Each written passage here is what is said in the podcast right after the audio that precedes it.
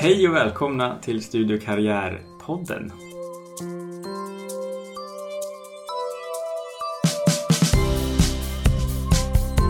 Den här gången får jag, Jonathan, ta ledning på den här podden, vilket jag tycker är jättespännande. För jag har mina två poddare Sara, Sara. Och Madeleine. och Madeleine. Och ni är ju båda studievägledare Ja, och karriärvägledare. precis. Ja. Sara, du jobbar på? Jag jobbar på studentserviceenheten på Ångström som tillhör den tekniska naturvetenskapliga fakulteten. Så jag jobbar med tekniska program i huvudsak. Mm. Och Madeleine? Ja, jag jobbar centralt på Uppsala universitet som vägledare och det betyder att jag eh, möter inte några specifika studenter utan det är den som är på väg in, den som är någonstans under studier och framförallt också den som är på väg ut från studier. Mm. Och jag då jobbar ju inte som studievägledare Nej. och det är gör du inte. jättenyfiken. Så Ja. min första fråga är ju Varför kontaktar man er? Ah, gud vad, alltså det är så roligt. Eh, ja men det kanske är, är någonting man går och funderar på eh, om man är i studier. Jag träffar ju också studenter som är, läser på program. Eh, och då kan det vara att man har eh, under sina studier eh, man ska välja en inriktning kanske eller en profil och man vet inte riktigt eh, vilken profil jag har men hur ser arbetsmarknaden ut eller hur eh, ja, jag vet inte vad innebär den här profilen, vad är det kurs, vad är det för kurser, vad, vad blir man egentligen? Men sen ofta träffar jag ju studenter som har, precis som du sa, också på väg ut ur studiet, att de ska Mm. liksom, ta examen och söker exjobb och vet inte riktigt vilken väg de ska ta. Mm. Men jag tänker Sara, i din roll, du möter ju studenter och får följa dem också Ja, genom programstudierna. Och ofta är det ju då studenter som har kanske hamnat i lite, man hamnar lite efter Mm. och har missat eh, några tentor. Och på mina studenter läser ju oftast två, tre kurser parallellt Mm. Eh, och ganska högt studie. Man har tentaperioder och så kanske man inte klarar alla tentor i tentaperioden. Och så har man helt plötsligt kanske fem, sex, sju kurser Mm. släpande. Och vad Mm. gör man då? Hur lägger jag upp planer? Vad ska, vilka kurser ska jag ta och när ska jag ta om tenta? Mm. Men hur kan ett sånt samtal se ut till exempel? Eh, ja, det kan, oftast så brukar det vara lite in, att man, om jag inte har träffat studenten innan så är det ju lite att jag måste liksom eh, ha en, en, skapa en relation till den här studenten. Vad är det för en student? Vad, vad läser den för program? Jag har, har ju flera olika program som jag är vägledare för. Eh, vad, lite vad studenten undrar över, frågar vad är själva problemet? Man försöker Mm. liksom bena ut lite vad är själva frågeställningen. Eh, och sen, eh, det är inte alla studenter som har, en del kommer ju otroligt förberedda och har frågor och sådär, men det behöver man ju inte ha. Mm. Vi kan liksom titta lite utifrån. Eh, men ett sånt samtal där man har hal- halkat efter så brukar man ju ganska snabbt komma in på det här att man behöver göra upp en individuell studieplan kanske. Mm. Man behöver titta på när jag ska Eh, när ska jag göra vissa tentor och, och vad ska jag fokusera på? Och vilka, vilka kurser ska jag prioritera eftersom man har behörighetskrav till andra kurser och sådär. Titta, över, titta på lite Mm. kort och lång sikt. Mm. Men sen är det ju ofta också att man halkar in på det här, men vad vill jag egentligen? Mm. Med de här mer allmänna karriärfrågorna. Precis. Och jag skulle nog då- säga att en av målgrupperna, en ganska stor målgrupp jag möter, det är ju den som är kanske på väg in i studier. Antingen är det någon som inte har hunnit kliva in över universitetströskeln här i Uppsala än, eller så är det någon som kanske har klivit in och smakat på några kurser men inte riktigt bestämt sig om Mm. man vill styra näsan åt något särskilt håll än. Mm. Så mycket handlar om att sätta mål, att hjälpa Mm. till att formulera. Vad är det där målet? Vart, vad vill du nå? Ehm, vi, vi skolas i Sverige så mycket in i att vi ska välja utbildning. Men som vägledare jobbar jag ju mycket med att, att eh, välja framtid. Mm. Alltså att titta bortom utbildningen. Vad vill jag göra sen? Vad, även om jag inte har påbörjat en utbildning än så måste jag kanske fundera lite grann på vad finns det för spännande jobb i framtiden som skulle vara spännande för mig? Mm. Eh, och sen bena ut lite vilka vägar kan man gå för att komma dit. Mm. Men sen är det ju, för att klara av det arbetet så behöver man också jobba mycket med vem är jag? Mm. Vad tycker jag om? Och vad driver mig framåt? Vad motiverar mig? Och Okej. den delen. Så det är samtal på flera olika nivåer, precis som Ja. Sara är inne på. Men, Just det. men ändå. Det låter ju som väldigt djupa ämnen. Absolut! Men det är roligt, det kanske kan verka liksom som att det är tungt, men det är oftast väldigt roliga samtal tycker jag. Ja. Det är oftast mycket skratt och... Färgpennor och whiteboards. Och, ja. ja, Och sen är det så, jag, jag hänvisar ju ofta studenter till eh, till exempel Madeleine eller till studentavdelningen om jag har studenter som har börjat på något program som, nej, vill byta, Ja. vill göra någonting annat. Precis. Eh, och då är det ju bättre att man går och pratar med Madeleine och dina kollegor Mm. eh, för att få lite mer generell vägledning. Se lite mer de här större perspektiven kanske. Vi är väldigt grottar in oss lite mer i våra program och Precis. karriär Och så är det också branscherna. åt andra hållet. Ibland Mm. kommer det någon som verkligen vill diskutera mattekurser på detaljnivå. Då Mm. hänvisar jag mig till min vägledarkollega på matteinstitutionen. Så att vi, det är stor risk när man träffar en vägledare att man blir bollad till ytterligare någon vägledare Mm. också. Beroende på detaljnivån på frågorna kanske. Mm. Men mycket av vårt jobb, och det tror jag är gemensamt för både dig och mig Sara, det handlar ju om att så- alltså, höja motivation. Ja. Alltså att plugga under flera år, det, det skär lite kraft och energi. Och ibland kan det komma en dipp. Ja. Och då kan man behöva hjälp att som få den där pushen i rumpan och orka Ja. framåt igen. Och för att få motivation så behöver man jobba mot, mot någon riktning. Ja. Och Var ska då, jag? då är det vi som ska Ja. hjälpa till där. Så det är då man verkligen ska suga kompetens ur oss. Ja, för där finns vi verkligen som kan vara de här fyrtornen som Ja. liksom visa eh, riktningen vi står där. Ja. För våra studenter är ju ofta, de har ju en, man har ju, man kanske går i en klass, brukar de ju vara indelade i klasser. Eh, Men då har man ju en programansvarig liksom som är eh, klassföreståndare eller vad säga. Mm. Men eh, tillsammans med oss studievägledare så blir man en som, som person, ett fyrtorn helt enkelt i, genom utbildningen. Och så Och- möter om och om igen. Ja, precis. Ja, det har Mm. ju, precis. Vi har ju väldigt mycket kontinuerligt och vi har ju också uppföljningar som vi gör. Vi kollar upp helt enkelt hur det går för våra studenter, hur Mm. många, om de, hur många poäng de lyckas hova in och sen så de studenter som eh, ser ut att ha eh, inte tagit så många poäng som är beräknat så brukar vi erbjuda samtal och att de får komma i kontakt med oss Mm. följa upp dem. Eh, för det kan ju vara olika saker och olika anledningar som gör att man har hamnat i en sån situation. Man kanske har varit sjuk Mm. eller eh, har, andra, har något problem eller ja. Eller så kommer man på att man skulle söka en helt annan utbildning Ja. och så glömde man göra ett avbrott Precis. på den första. Och då är det bra för oss att veta det så då brukar precis. Hålla kalla lite koll i klasslistor. vi... Ja, precis. Och ofta så är det ju, man kan tänka så här, oj wow, tänk jag blir kallad av min studievägledare för att komma på samtal. Och det känns lite läskigt. Det låter lite... Det låter lite så här... Kom in till "Ah, rektorn." ja, Ja. Men det är ju absolut inte så. Det brukar vara väldigt trevliga samtal och bra och liksom att ja, jag borde ju ha kontaktat dig tidigare. Liksom. Att Mm. man oftast får den Mm. reaktionen. Och varför gjorde jag inte det här? Det här skulle jag ha gjort redan första terminen. Mm. Eh, Och sen är det ju så också när man, eh, när man lever livet och går framåt så kommer man ju emellanåt till eh, vägkorsningar där Mm. det finns flera alternativ att gå. Eh, Och när man står i en sån där vägkorsning med många olika alternativ framför sig och man har lite svårt att sortera alternativen så är ju en av våra yr- yrkeskompetenser också att, att hjälpa till att tydliggöra de här alternativen. Vad betyder väg A, vad betyder väg B och vad betyder väg C? Ehm, och vilken kanske passar dig bäst just nu. Så att hjälpa till att synliggöra och tydliggöra alternativ och så sen försöka vara en liten motor i be- beslutsprocessen om vad Mm. man väljer, även om det valet alltid ska ligga hos den andra, den vi möter.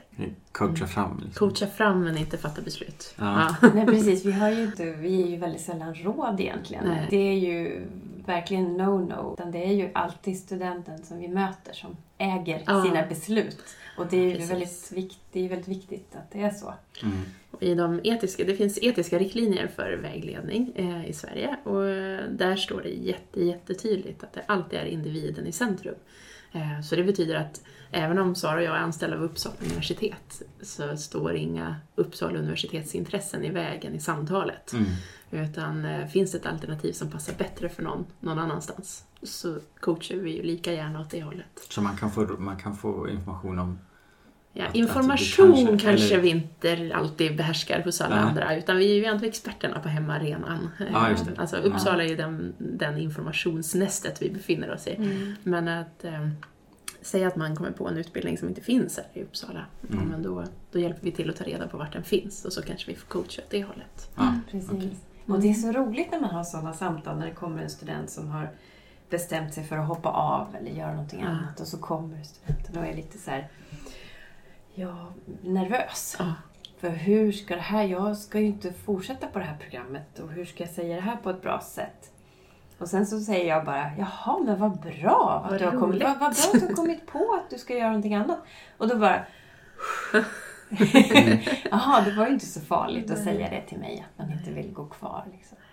Därför att det är ju verkligen individen i centrum och Mm. att eh, det viktigaste för oss det är ju att studenterna gör det de själva vill Mm. göra.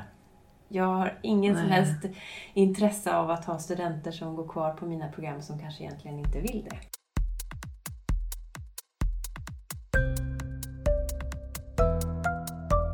Men, men hur går det till? Så jag tänker liksom, när man bokar en tid med dig Madeleine. Ja, Då, du sitter ju då på studentavdelningen Mm. på, på förvaltningen. precis. Eh, och ni sitter i Segerstedthuset. Det stämmer. Så, och det är ju ett stort hus. Yes. Eh, hur, hur går, vad händer när man kommer hit? Ja, det fina eh, när man vill träffa någon av oss det är att vi erbjuder varje vecka både bokningsbara tider men vi Mm. har också drop-in tider. Mm. Och där är vi lite olika vad vi tilltalas av.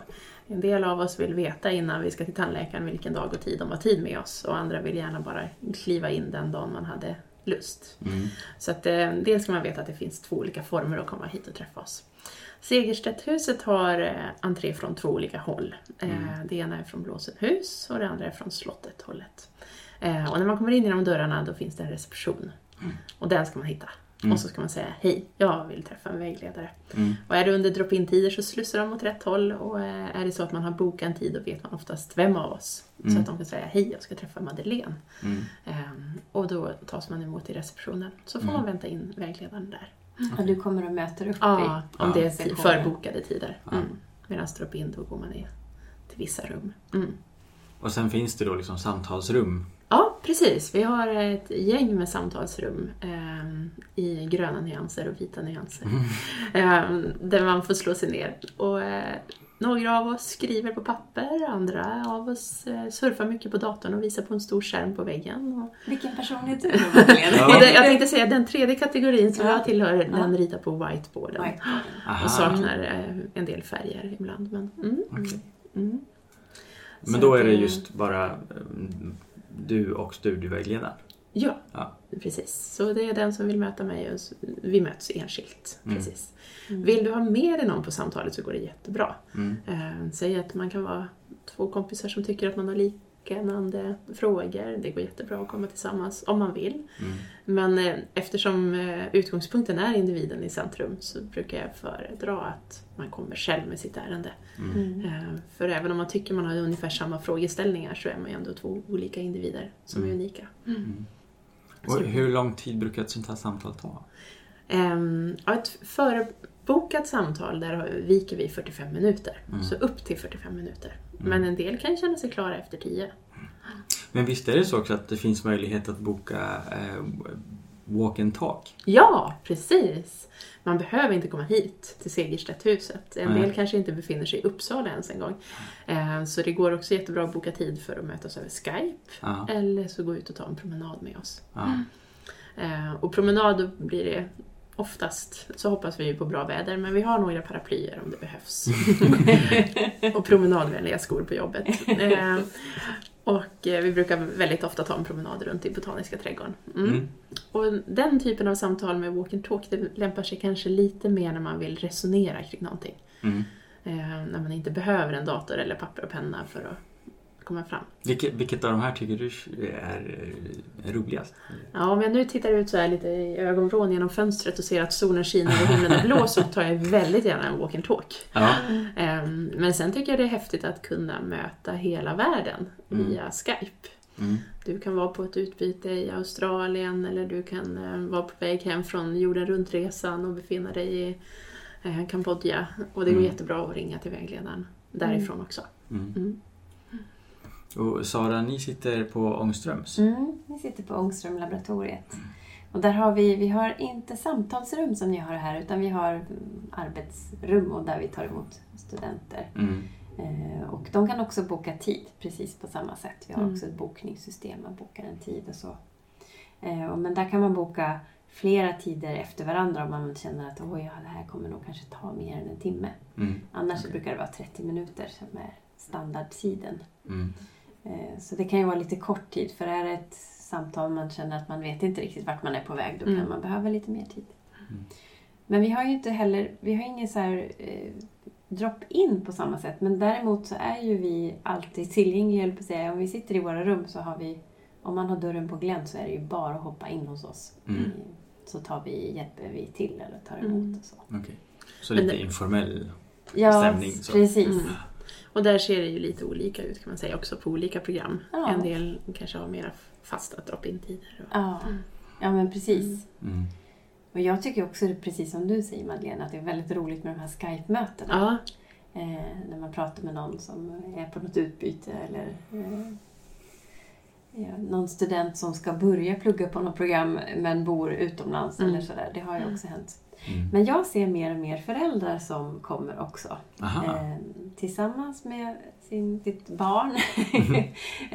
eh, barn och barn, de är ju myndiga personer. Ja. Så det är alltid lite speciellt. Men, eh, och vi har diskuterat det väldigt mycket på min enhet ja, med mina kollegor som också är studievägledare. Hur vi ska hantera det här. Men vi har mer och mer landat i att, att det är, ja, föräldrarna har kommit för att stanna liksom och vi måste eh, lära oss att, att ta emot båda, både föräldrar. precis. Men där är det egentligen samma utgångspunkt, att det är individen i centrum som behöver Absolut. vägledningen. Så Så det det- betyder, är det Kommer du dragandes med din mamma eller din pappa så är det du som är i fokus för samtalet. Exakt. Vi kommer inte ha samtal med din mamma eller samtal med din pappa. Nej, Ehm, Det är jätteviktigt. Om Så inte det- föräldrarna vill ha studievägledning Om inte också. föräldrar, Ja, absolut. Och vill det ha. händer. Ja, jag kan tänka mig det. Säga, man, vi, vi kan man börjar med ett barn och slutar med en Absolut. vägledning av en förälder. Ja. precis. Nej, men det har också Ja. hänt. Och ibland har det faktiskt hänt att det kommer studenter dragandes med en förälder.